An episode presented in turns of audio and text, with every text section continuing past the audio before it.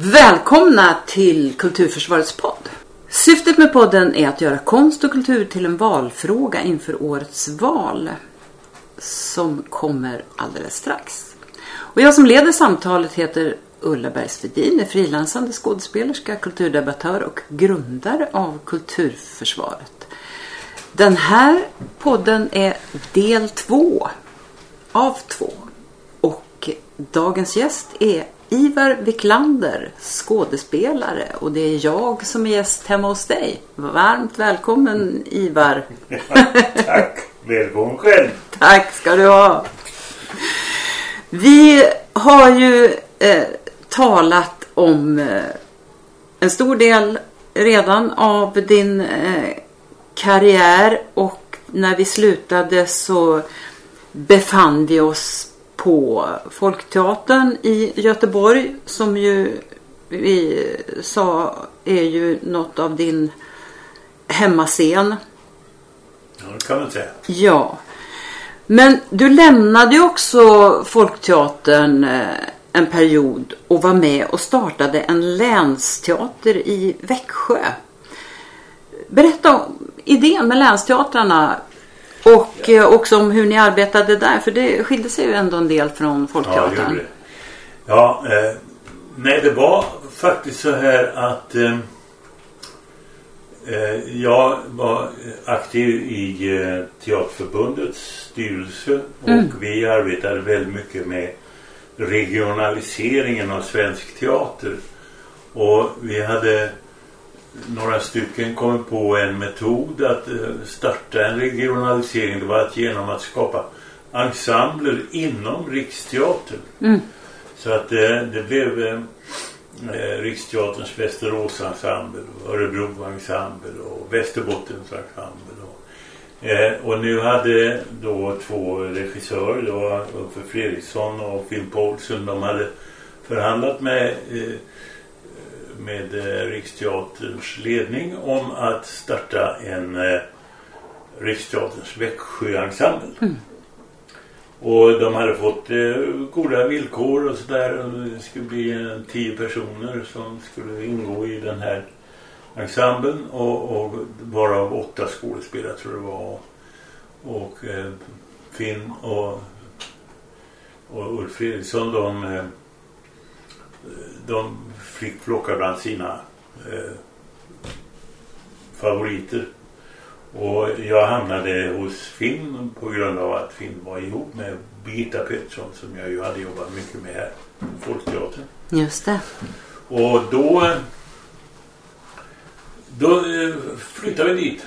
Och eh, eh, de här ensemblerna de var ju de ingick ju i en eh, stor statlig teater som Riksteatern var så att vi behövde inte krusa någon på mm. orten egentligen.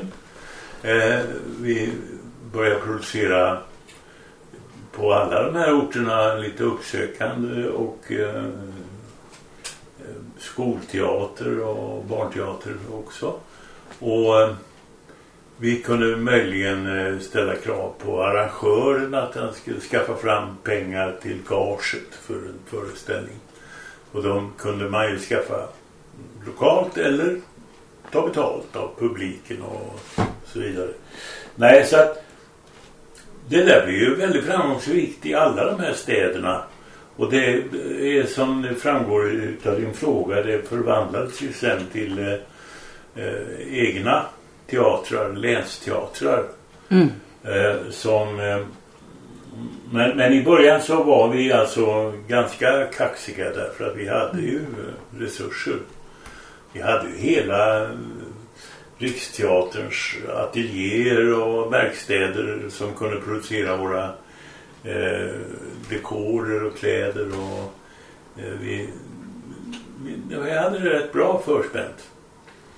Och, och Eh, när vi kommer till Växjö då är Växjö eh, den håller på att surrar av all framgång som eh, bland annat så hade eh, fotbollslaget eh, blivit eh, svenska mästare mm. eh, samma år och så att vi öppnade ju med en en uppsättning av Don Juan på eh, Växjö teater.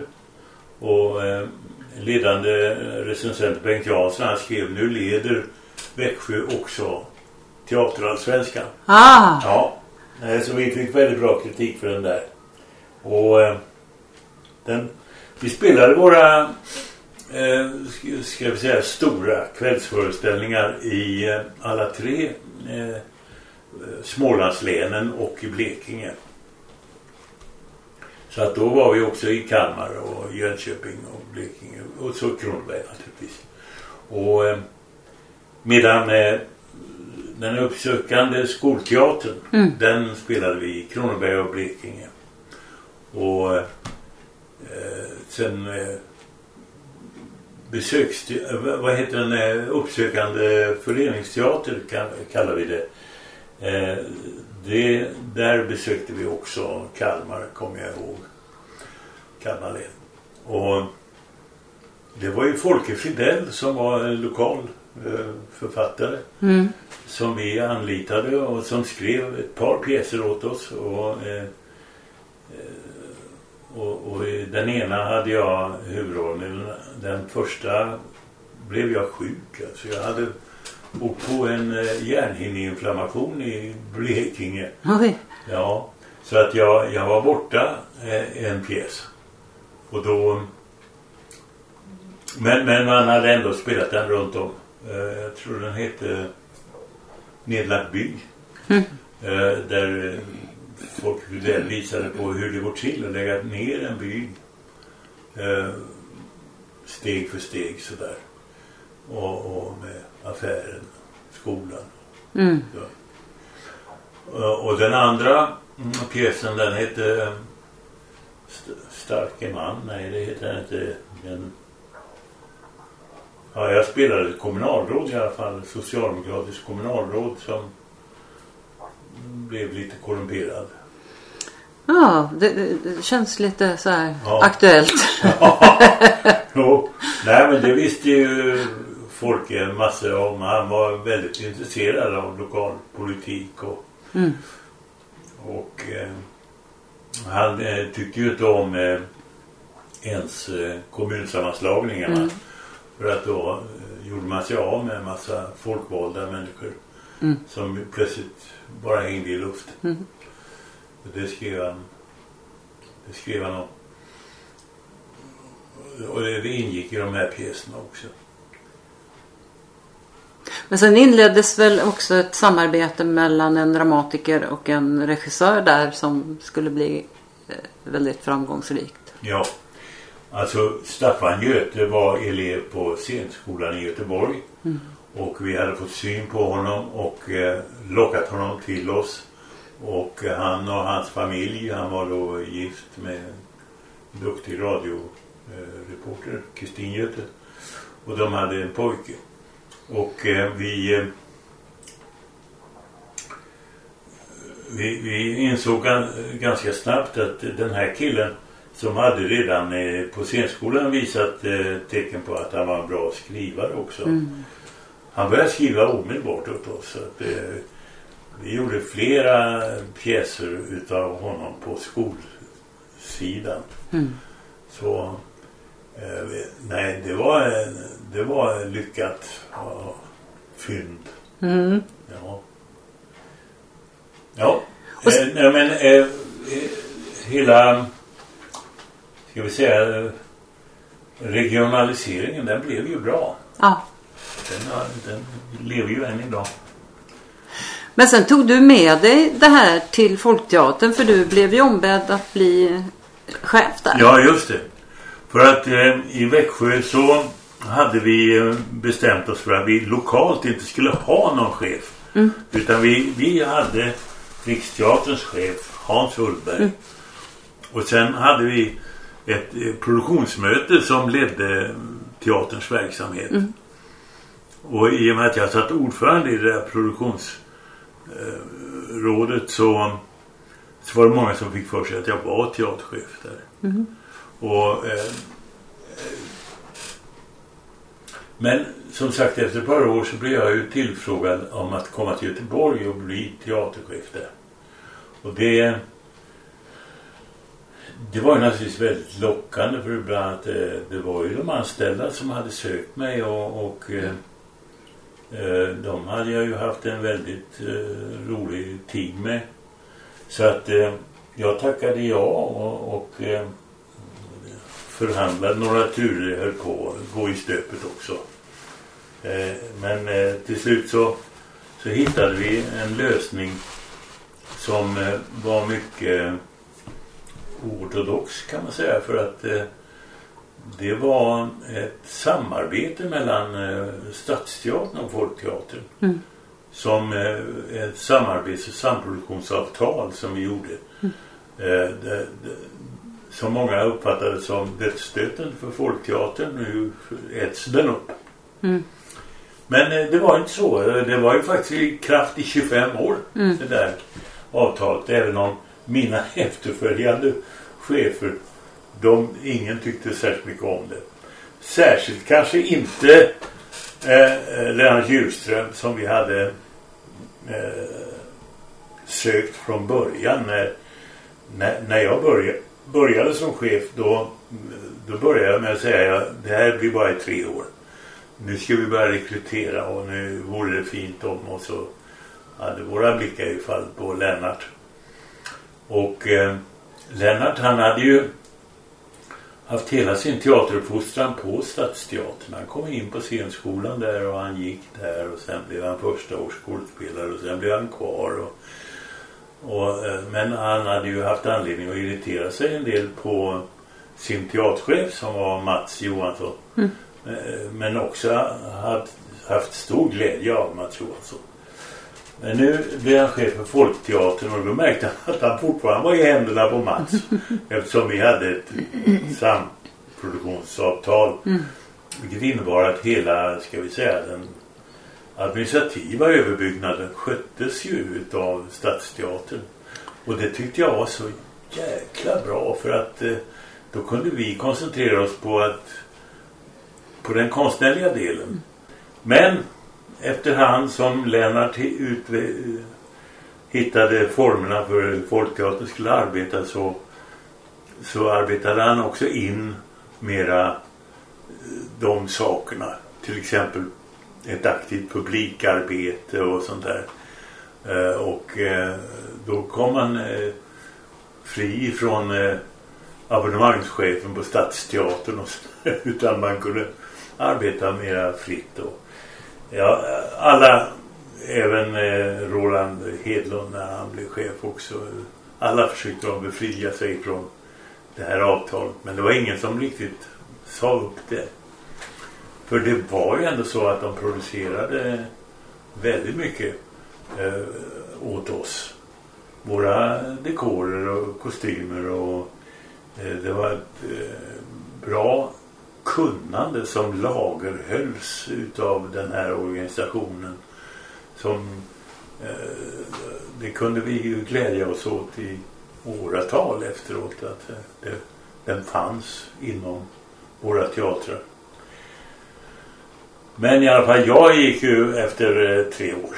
Och eh, Lennart tog vid och sen var det nya turer. Och sen blev jag plötsligt chef igen. Ja, var, var, var, var det lika självklart då? Nej, det var det inte. Eh, eh, jag tyckte, varför ska jag göra det? Och, och, men samtidigt så visste jag att de var i pisse, som vi säger Mhm. i Finland. Eh, så att eh, man får ju ställa upp då, tyckte jag.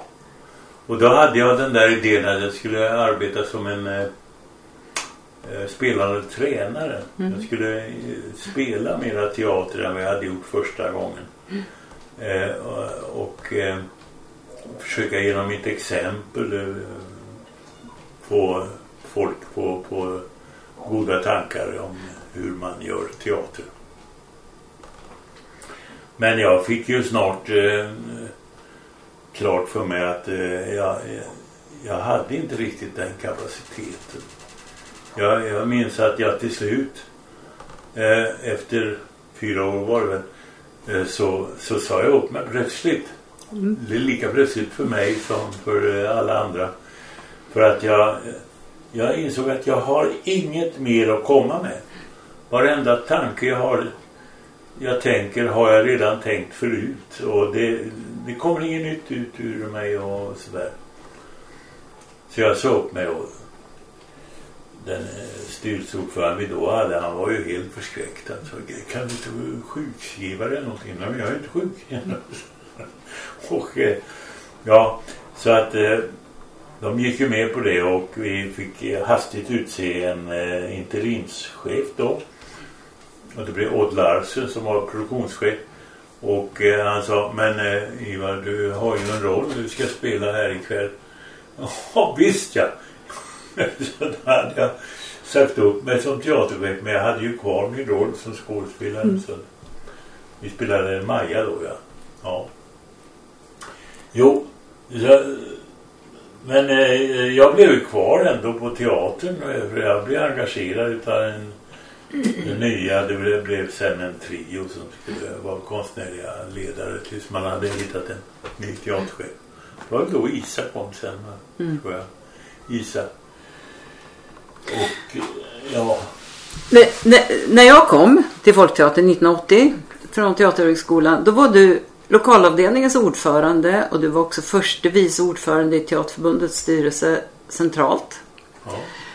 Eh, jag, jag, jag, jag, känner ju dig mer som eh, facklig person. Eh, eller mm. rättare sagt, jag känner ju att du kändes mer bekväm som ja. facklig person, ja, om man säger så.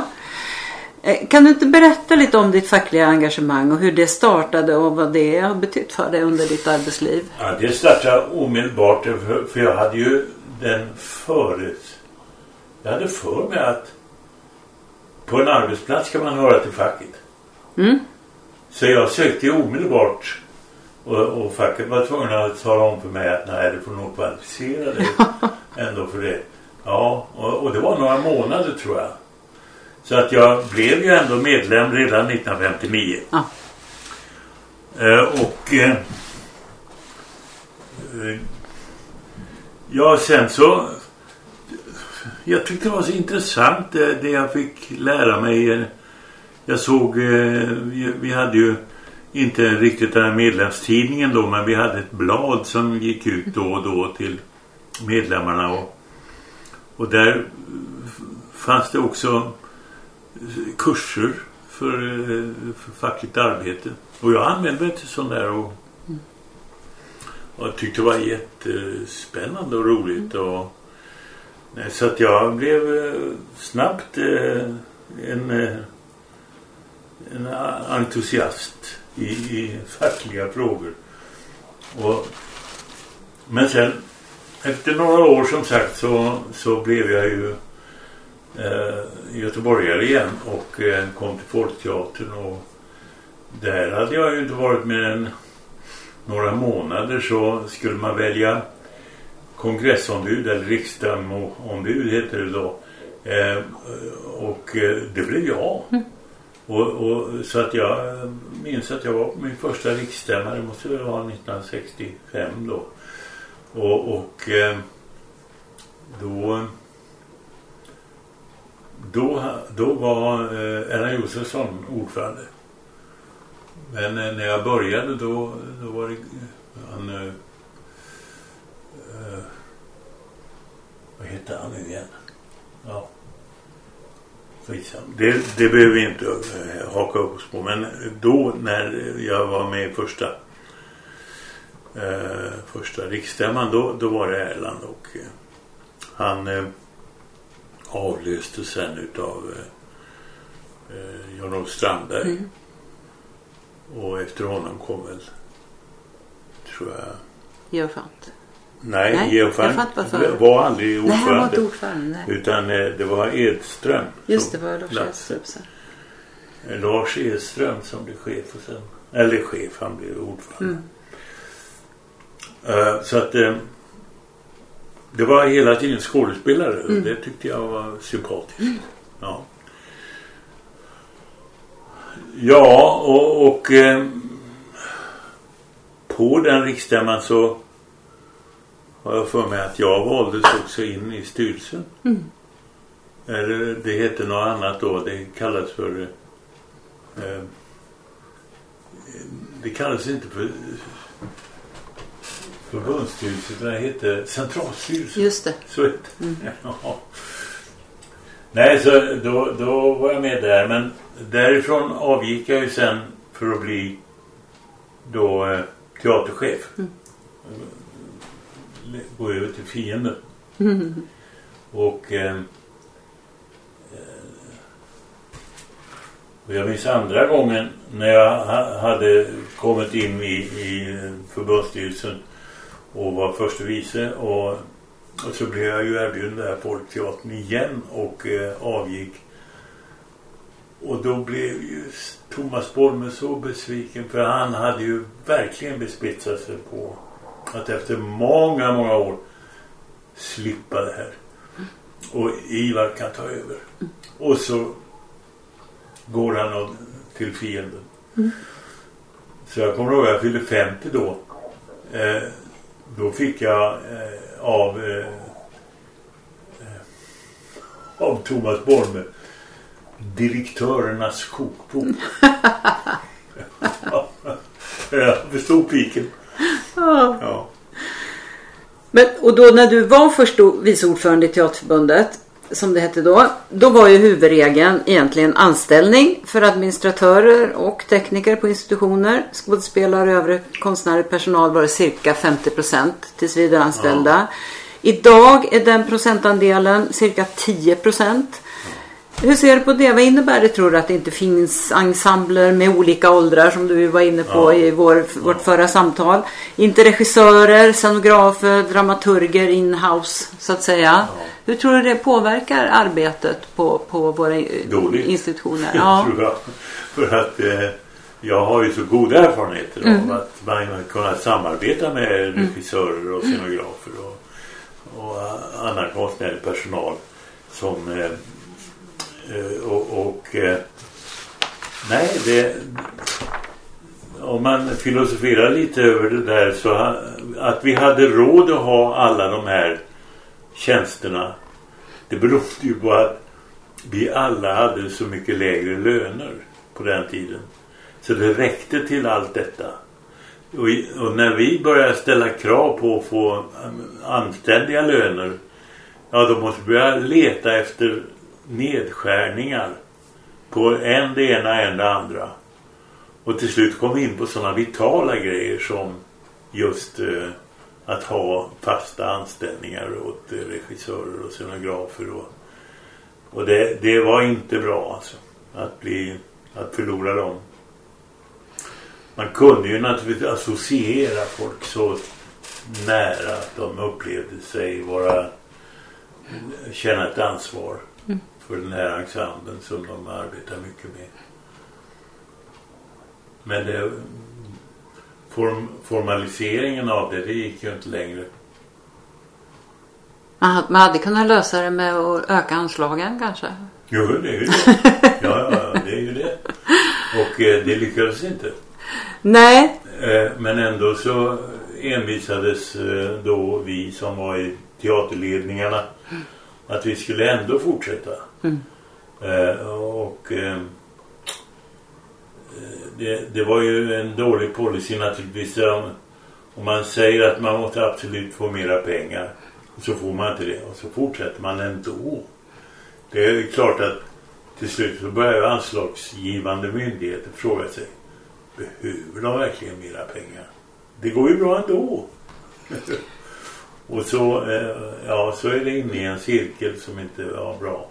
Ja, men, men, problemet är väl att vi löser alla, alla problemen eh, för att vi är så in i helsike kreativa så att vi, vi, vi löser alla problemen ja. ändå. Ja, ja. Vi skulle kanske visa att eh, hit men inte längre går det. Vi skulle kanske ha sånt där att ja, hit räckte pengarna, nu får ni tyvärr gå hem. Ja. Nej, jag vet, jag hade ju en sån grej. Jag fick ett krav på, på oss att eh, det var när kommunen var väldigt eh, eh en stor eh, anslagsgivare. Mm. Och eh, det skulle bort så så mycket. Mm. Och jag tittade på vad, vad är det vi har? Ja, sommarunderhållningen. Om vi gör oss av med den då har vi de pengarna. Eh, för det kommer någon annan att sköta antagligen. Mm. Eh, men det hade ju inte kommunen tänkt sig. Nej. Men så det blir ju ett jävla liv för att eh, jag stryker det helt enkelt. Och, men ni ville ju att vi skulle dra ner. Ja. Ja. Nej. så att, eh, nej, det, jag tror, tror till och med att vi fick ändå bekosta lite grann sommarunderhållningen. Jag, jag, jag hade ju Britt Lindvall som var eh, ekonomichef och som kunde också hitta utvägar och Mm. sådär. Du eh, rekryterade mig som sekreterare i facket när jag kom till teatern och jag lärde mig väldigt mycket och jag blev ju också väldigt intresserad och har ju eh, fortsatt ända tills för bara några år sedan. Och sen blev du chef och då hade vi ett väldigt gott samarbete. Tycker jag i alla fall.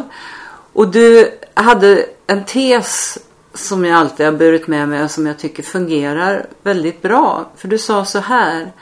Målet med verksamheten är skådespelarens och textens möte med publiken. Vägen dit ska ske under så värdiga former som möjligt för samtliga inblandade. Och det tänker jag, det, det, det innefattar egentligen allt man behöver ha med sig Ja.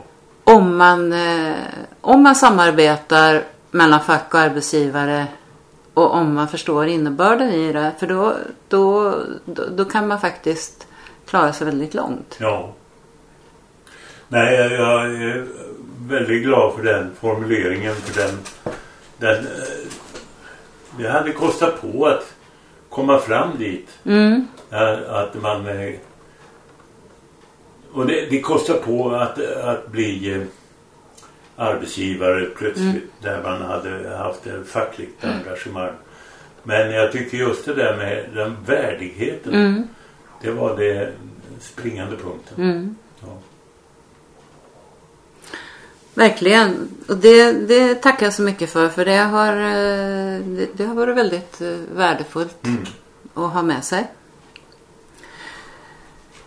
Och du, du varvade ju ditt fackliga engagemang med att vara chef. Eh, var, det, var, var det svårt? Tycker ja, du? det var det ju naturligtvis. Mm. Det fanns ju saker som jag tyckte var självklara att jag skulle göra. Men som jag inte kunde göra längre. Mm. Jag vet inte vad jag ska ta för exempel men eh, jag, ja, jag märkte att jag var tvungen att ta lätt på vissa principer som jag hade hållit högt Mm. tidigare.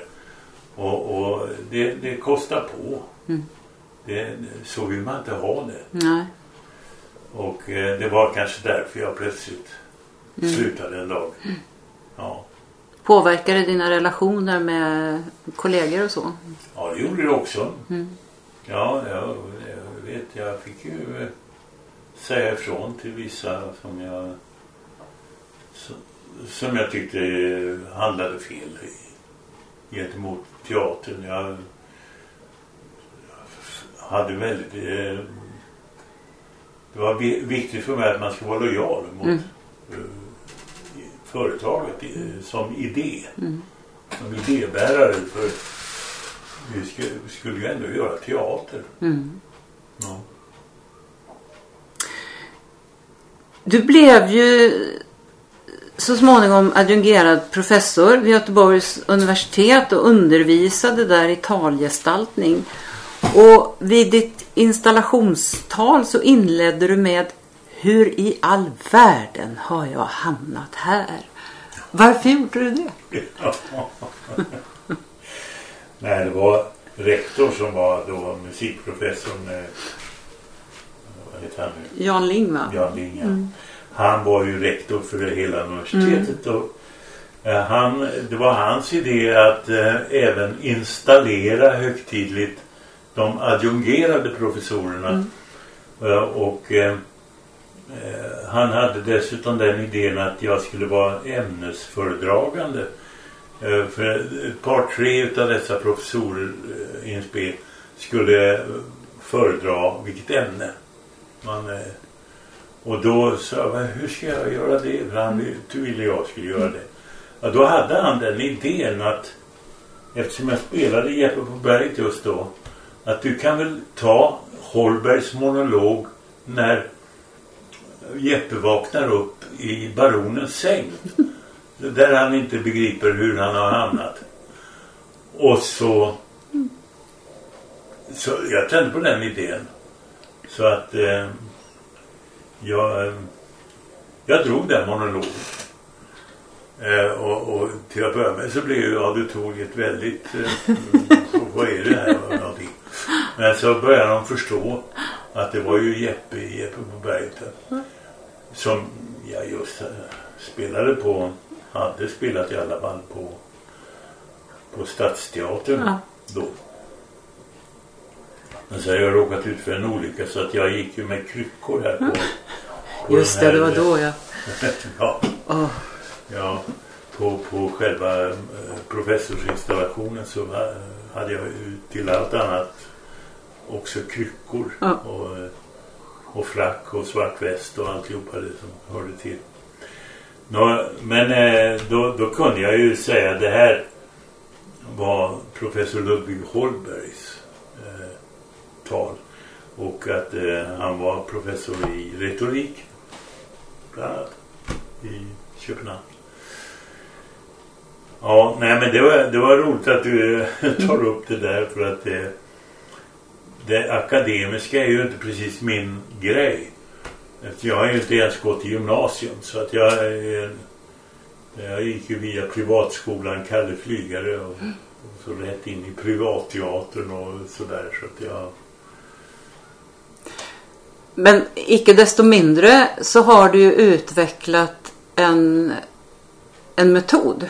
Ja, ja, ja. Kan du inte berätta ja, vad den går ut på? Ja, det, det var lite grann så att eh, jag kunde ibland bli så jävla irriterad på mig själv. Att jag inte hittar riktigt någonting i en eh, text.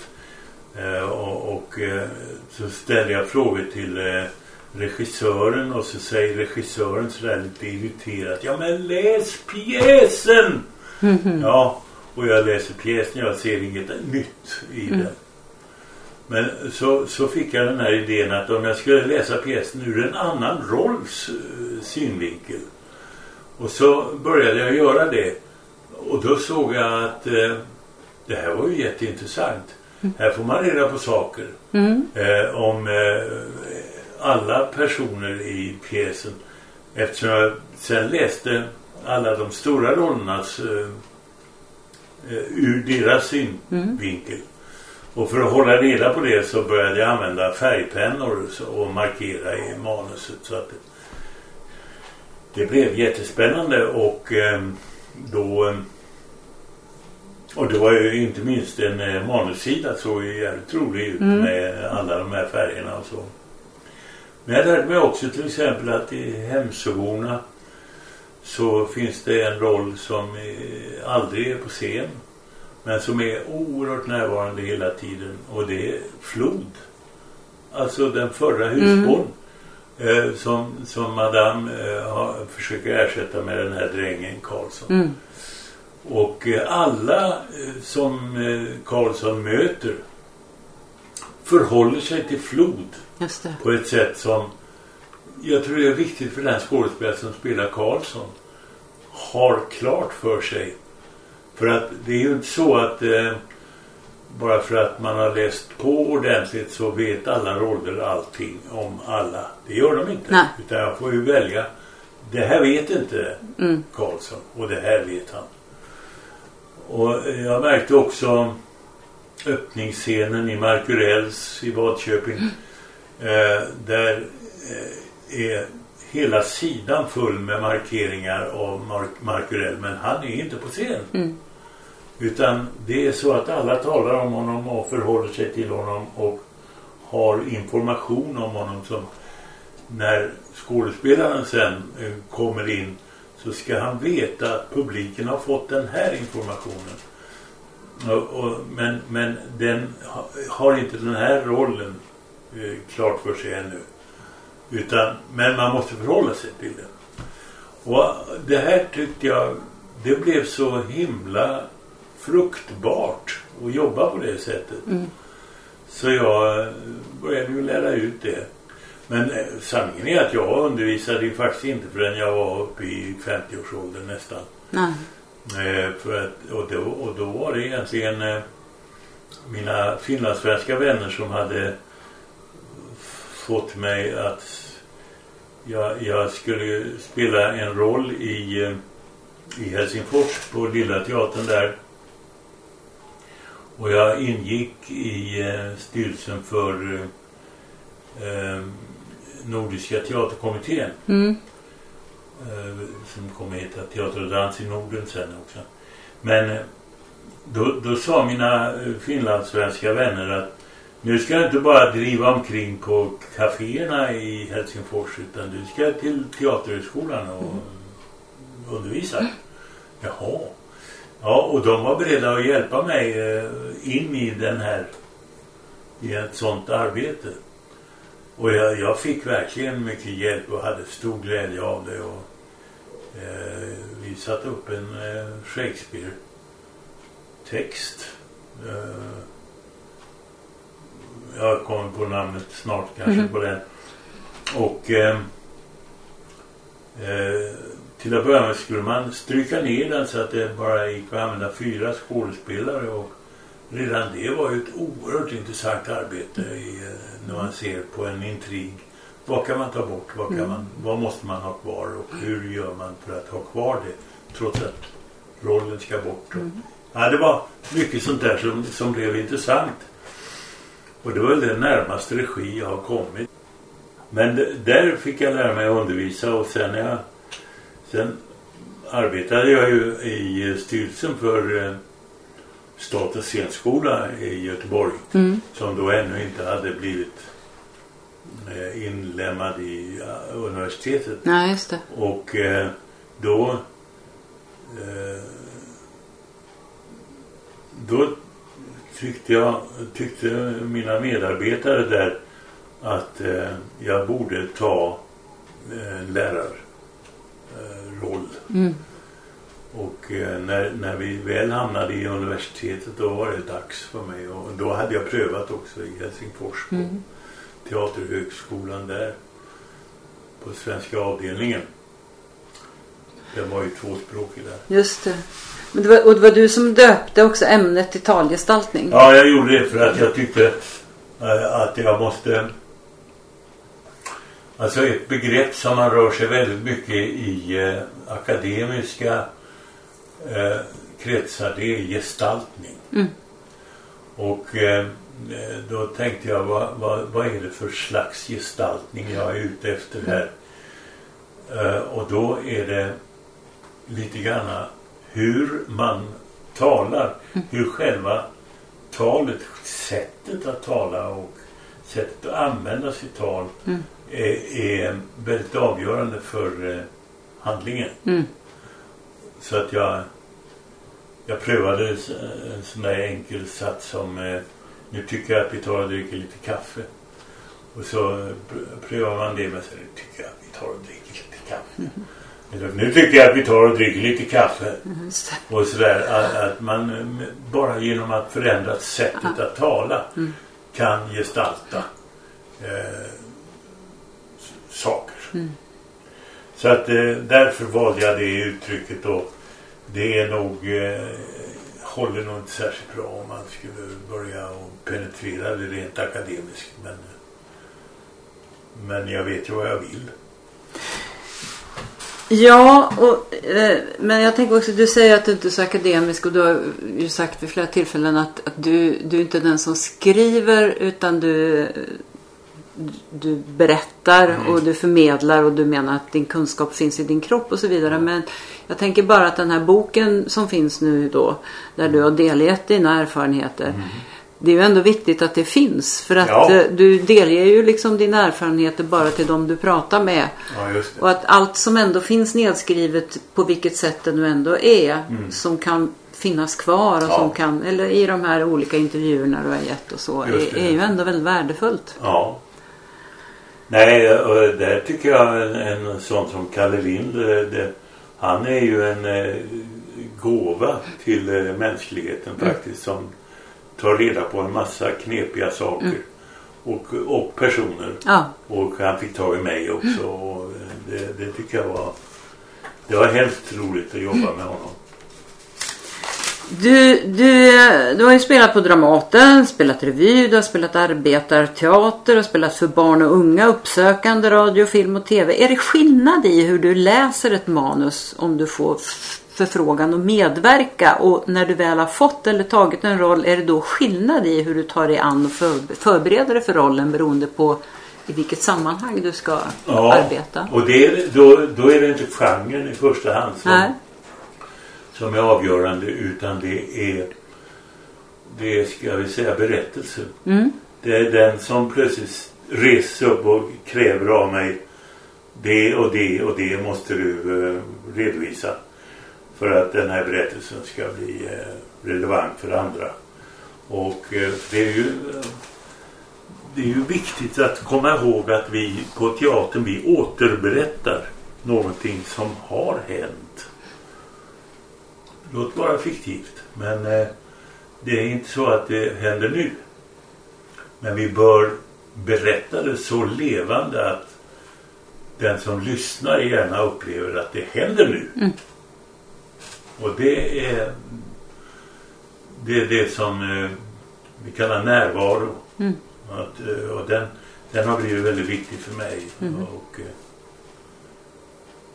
en kollega som Lasse Pöksti han, han var ju så frankofil så att han, han sa så, men det, det är viktigt alltså med närvaron och det har också visat sig att det är det som folk uppskattar i mitt sätt att spela teater. Det är att jag är så närvarande. Mm. Och, och det är ju också eh, just eh, du, du gjorde ju en, en, em, en föreställning. Jag ska först säga du startade ju faktiskt Folkteatern besöker när du kom Ja, jag gjorde det. Tillbaka till Folkteatern. Och eh, då för att anknyta till det också, du ska få berätta mer om det sen. Men eh, bara för att anknyta till det du pratade om nu innan här. Du, jag såg ju när du gjorde en föreställning som man kan ju väl, ver- verkligen kalla den för den enklaste formen av berättarteater, nämligen en lantmätares historia. Mm. Och eh, vid den tiden så var du rödlätt Mm.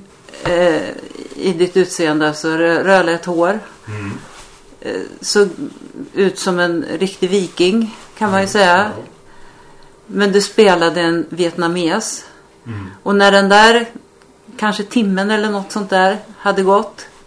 Så tror jag inte det fanns en enda person i publiken som inte var övertygad om att du var vietnames. Nej, just det. Ja. Och det, det tycker jag är ganska fantastiskt. Ja.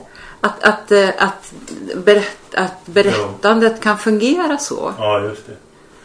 Nej, det är ju en eh, kulturell eh, transformering kan man säga. Man flyttar berättelsen som sådan eh, berättar också på grund av de val som rollen gör och Ja. sådär vilken sorts kultur han kommer ifrån. Ja. Och så. Det, nej, det var, det var hemskt roligt alltså. Folk tyckte att jag talade bra svenska och sådär. Och där. Ja. Och, och jag, jag blev ju jättestolt. Och sen var det det att eh, den här eh, la- lantmätaren, det var ju en, eh, en verklig person Ja, som hade gjort den här flykten och som nu var lantmätare i Helsingfors och talar finska. ja, och jag stötte ju också på finska barn eh, i, när jag spelade på skolnivå ja. som eh, ville jag skulle säga något på finska. Och, Och jag sa, men jag är ju inte filmare. Men här har du lite Kleenex-vätsk. Så, Ja, just det. så hade jag en flaska med eh, kolsyrat vatten där på, på bordet. Ja, Eh, jag hade ju det för att ge en sorts eh, lokal stämning Ja. kring det här. Vi spelade på Härlanda när det ännu var fängelse. ja, Och eh, jag är där och gör mina förberedelser och några interner eh, finns där i rummet och, och så eh, packar jag upp det är en eh, helflaska med eh, vichyvatten alltså. Eh, och eh, så sa de, vad har du i flaskan? Sa de, ja det är bara vatten, så jag, idiot. ja. De tyckte jag missat en affär. ja. Ja. Nej men just, det- just jag menar det är samma sak det här med att vi som vuxna spelar barn eller katter eller Ja. delfiner eller vad det nu kan vara. Men att vi liksom, att den här överenskommelsen som, som kan fungera ja. så Den bra. måste fungera. Ja. Annars blir det bara dumt alltihopa. Ja, Visst. och den, den, den, den magin är ju så... Ja. Alltså slarvar man med det så det, man genomskådas ganska snabbt. Alltså det var några eh, skådespelare i Stockholm som eh, gick samman. De tänkte tjäna lite pengar och spela lite barnteater ute på skolorna. Och de eh, gjorde det lite taffligt. Och eh, hade en tafflig scenografi och eh, eh, de eh, då började skolbarnen häckla skådespelarna och, eh, och sådär. Och, och, och en av dem, han råkade komma åt en kuliss som föll omkull där. Och så, nu välter och sjön också, tabbjävel! Skrek de åt åh. De hade alltså genomskådat de hade inte varit noggranna med sin över, Nej. överenskommelse. Förfärligt. Ja. Men du, Folkteatern besöker. Mm. Din tanke med det? ja, det var eh, att spela teater där eh, publiken är hemma. Och eh, den möjliggjordes ju egentligen bara av att vi gick in i det där samarbets och samproduktionsavtalet. Då frigjorde man pengar till det. Eh, medan våra till exempel barn- och skolteaterpengar de lämnade vi till Stadsteater så att vi, vi är ju faktiskt med och bygger Backa teater. Ja, och eh, då var min idé att eh, man kunde söka upp publiken på där de eh, verkar och eh, det kunde vara på arbetsplatser men också i bostadsområden och eh, i föreningslivet. Och på den tiden så hade ju ofta föreningslivet eh, kulturpengar genom eh, bildningsförbunden. Eh, så att de hade lite pengar och eh, eh, så man kunde ju finansiera ett sånt här ett gage till oss eh, med sådana pengar plus kanske att man tog en symbolisk eh, entréavgift eh, så, så var det i hamn. Och, och eh, vi å andra sidan vi hade inte några vi skulle inte administrera några biljetter eller sådär. Så att där föll ju en kostnad bort för oss och eh, ja, nej det fanns mycket fördelar med det här. Vi hade en producent som stöd Ja. till arrangörerna. Ja. Men, men det här var ju egentligen ett sätt, äh, så på sätt och vis blev ju, var ju Folkteatern, fungerade ju Folkteatern då som en länsteater kan man ju säga redan då. Ja. Som det ju sen Ja, jag märkte ju det när eh, regionen kom in och skulle vara... Då var Isa Stenberg chef. Och hon frågade mig, vad, vad, vad tror du att man har för möjligheter att och, och regionalisera. Ja men jag sa, du har ju Folkteatern besöker. Ja, visst. så, hon, så hon insåg att detta var ett argument också eh, gentemot regionen. Att vi kunde ju fan åka ut Eller hur? Alltså, och spela. Och det gjorde vi också. Verkligen. Ja. Du, vi var inne på det. Du har gjort film och tv. Du ingick i tv-teaterensemblen. Det är ju, som jag ser det var ju det fantastisk folkbildning. Ja. Där fick jag mina första teaterupplevelser för att det fanns ju inte teater eh, där jag bodde. Tycker du att vi borde ha något liknande nu? Ja.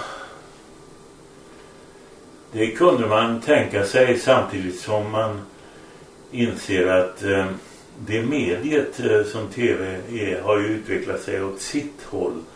Och där man har och, och det var ju mycket genom Bengt Lagerqvist och så att man gick ut och började filma istället för tre elektronkameror i en studio.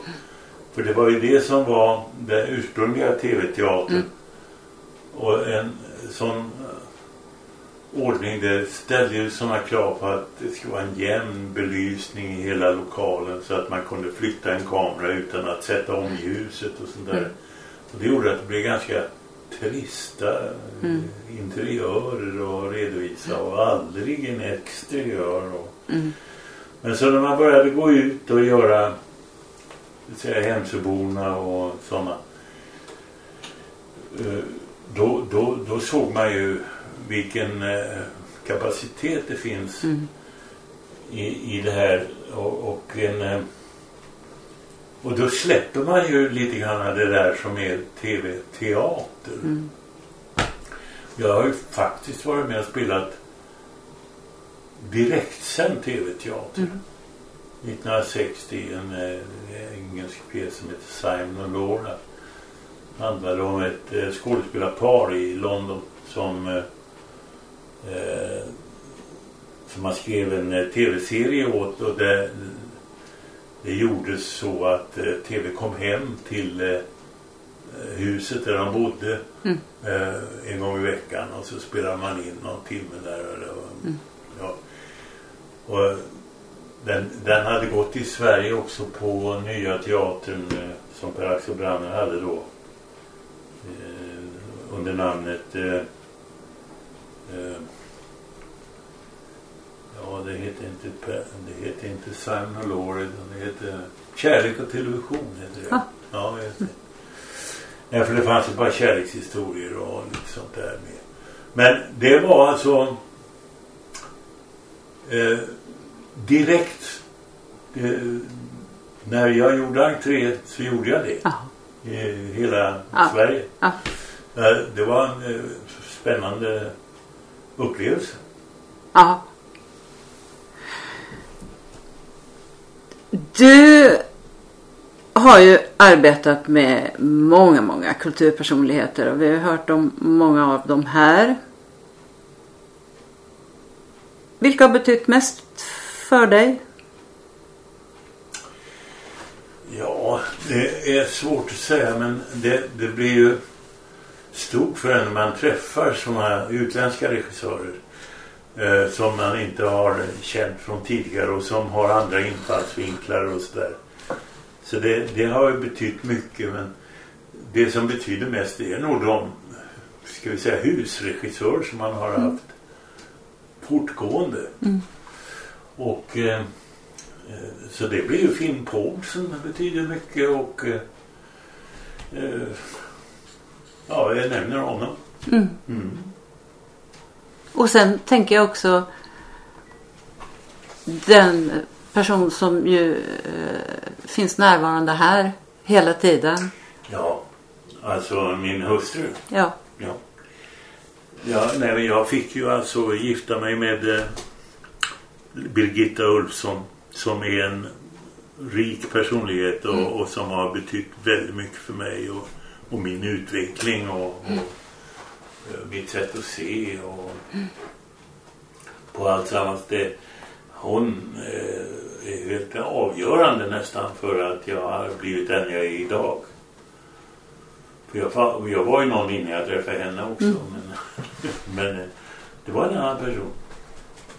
Du beskriver så fint om hur, hur, hur du började se på saker och ting på ett annat sätt utifrån era samtal. Ja. Kan du inte säga något om det? Jo, nej men det är klart. Eh, alltså, ska vi säga om man lever som jag nu när jag är enkling är tvungen att bearbeta mina intryck själv så här. Mm. Eh, med, med, eh, mot bakgrund av vad jag har, har lärt mig tidigare och sådär. Så var det här ett seminarium liksom vid varje frukost. Mm. Som Birgitta och jag läste våra morgontidningar och eh, eh, Eh, ventilerade det vi hade läst och så vidare. Det, det var väldigt utvecklande och snabbt, snabbt också. Det, och jag, jag, är inte en man som det första man säger är en snabb jävel. Det är det inte. Utan, men, men det blev så att jag lärde mig det. Mm. Men jag, för jag tänkte, jag blev lite förvånad för jag tänker eftersom du har ett sånt liksom eh, ett förflutet i det fackliga mm. och har varit både chef och skådespelare på en teater som har stått arbetarrörelsen nära och spelat eh, om inte eh, plakatpolitisk teater som ändå politisk teater kan man ju säga under alla år eh, så beskrev du det som att du inte riktigt hade tänkt så mycket i de banorna ändå.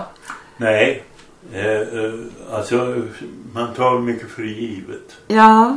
Och det ska man nog inte göra eh, när man är konstnär. Utan man måste nog eh, ta fram det, titta på det, vända och vrida mm. och titta vad, vad är det här. Eh, medan eh, jag ja, ja, bara gnodde på kan man säga. Fick en del idéer, försökte genomföra dem som regionalisering, uppsökande teater och sådana saker. Men eh, nej, det var det intellektuella som utvecklades hos mig när jag eh, och Birgitta slog ihop våra påsar. Och det, eh, det är jag så himla glad för och tacksam. Det blev ett så rikt liv på det sättet. Mm. Ja, jag eh, rekommenderar verkligen eh, också att eh, läsa den här fina boken som eh, du och Håkan Samlad har eh, gjort tillsammans. Ja, ja. Från Buskis till Becket som ja. den heter. Du, eh, du har ju sagt i den här boken också att du har inte varit den som har minglat på röda mattan. Men nu har du ändå blivit både känd för och älskad av den stora massan i och med din medverkan i Hundraåringen i två mm. filmer som du nämnde förut. Och Håkan Sandblad säger ju i den här boken att han tycker att du borde få en spårvagn uppkallad efter dig. Och det kan jag hålla med om att de har missat något där. För du har ju ändå varit en Göteborgsprofil inom konst och kultur över många decennier och gjort stora och uppmärksammade roller på båda de stora teaterinstitutionerna. Men du har ju ändå fått eh, flera utmärkelser. Eh, och ja. du har fått medaljen Litterus, ett Artebus. Ja. Smäller inte det högre än en spårvagn? Jo, det ah. det nog. Spårvagnen är ju mer en staty. Och varför ska man resa en staty över någon som ännu lever? Ja, det, det, är så svårt att få plats med en hemma, tänker jag också. Ja. inte? Jo.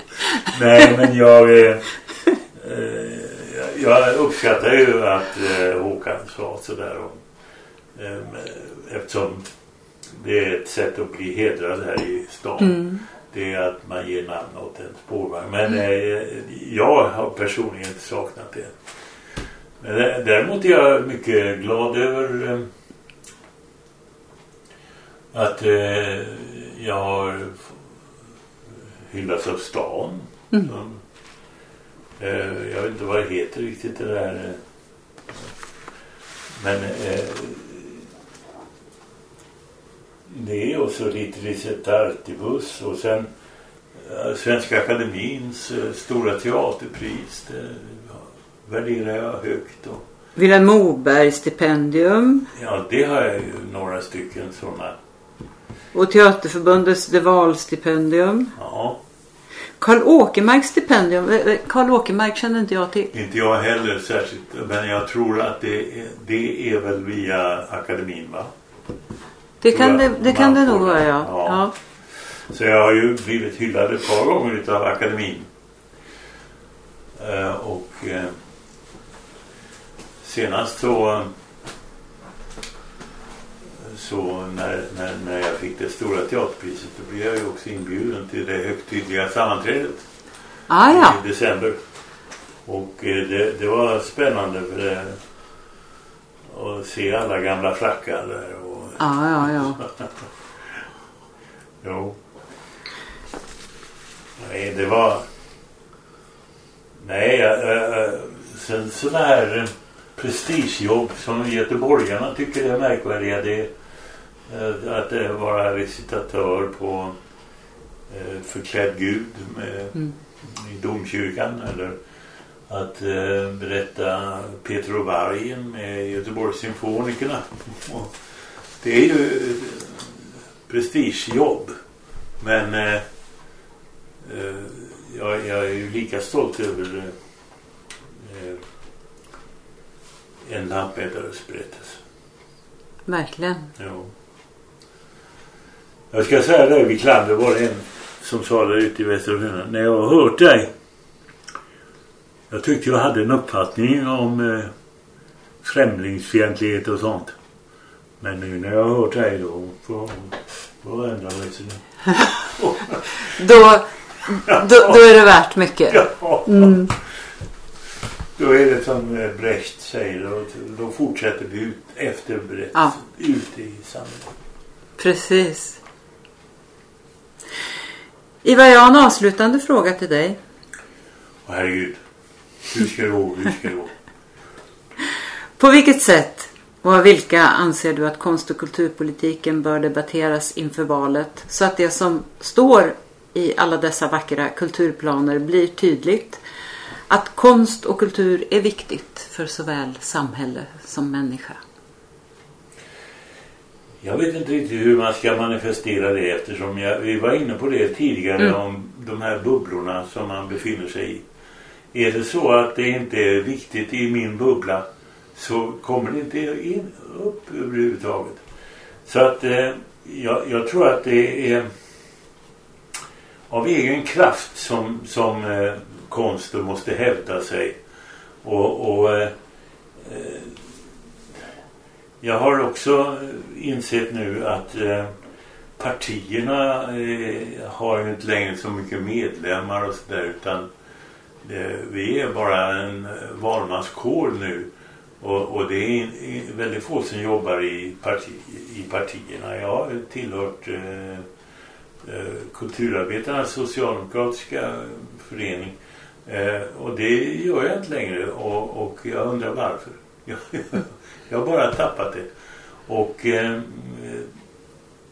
och jag, jag ser inte skymten av arbetarkommunen eh, och sånt där. Och, min, min egen eh, teater som sagt eh, den är inrymd i, i Folkets hus som lämnar Folkets husrörelsen och, eh, och eh,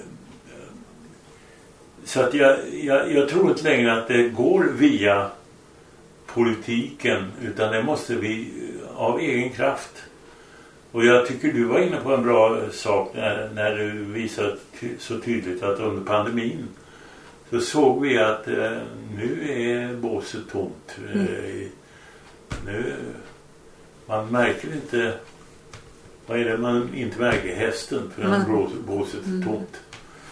Och eh, nu måste vi fylla det här båset igen. Och eh, göra det med dunder och brak. Så att vi hörs och syns. Ja, Så tror jag vi får göra. det är väldigt bra slutord. Ja. Vi kommer ja. med kraft och energi. Stort tack Ivar för att du ville medverka Tack ha. och för att vi fick komma hem till dig. Och tack för att ni lyssnade och den som vill veta mer om Kulturförsvaret kan gå in på kulturförsvaret.se. Poddarna hittar ni på sidan och där poddar finns. Och om ni vill gå med i vår Facebookgrupp så är det bara att gå in och ansöka om medlemskap. Gruppen är öppen för alla som är intresserade av konst och kultur tycker att det är viktigt att konst och kultur och fri press och media diskuteras på samma villkor som andra politikområden inför valet. Tack och på återhörande.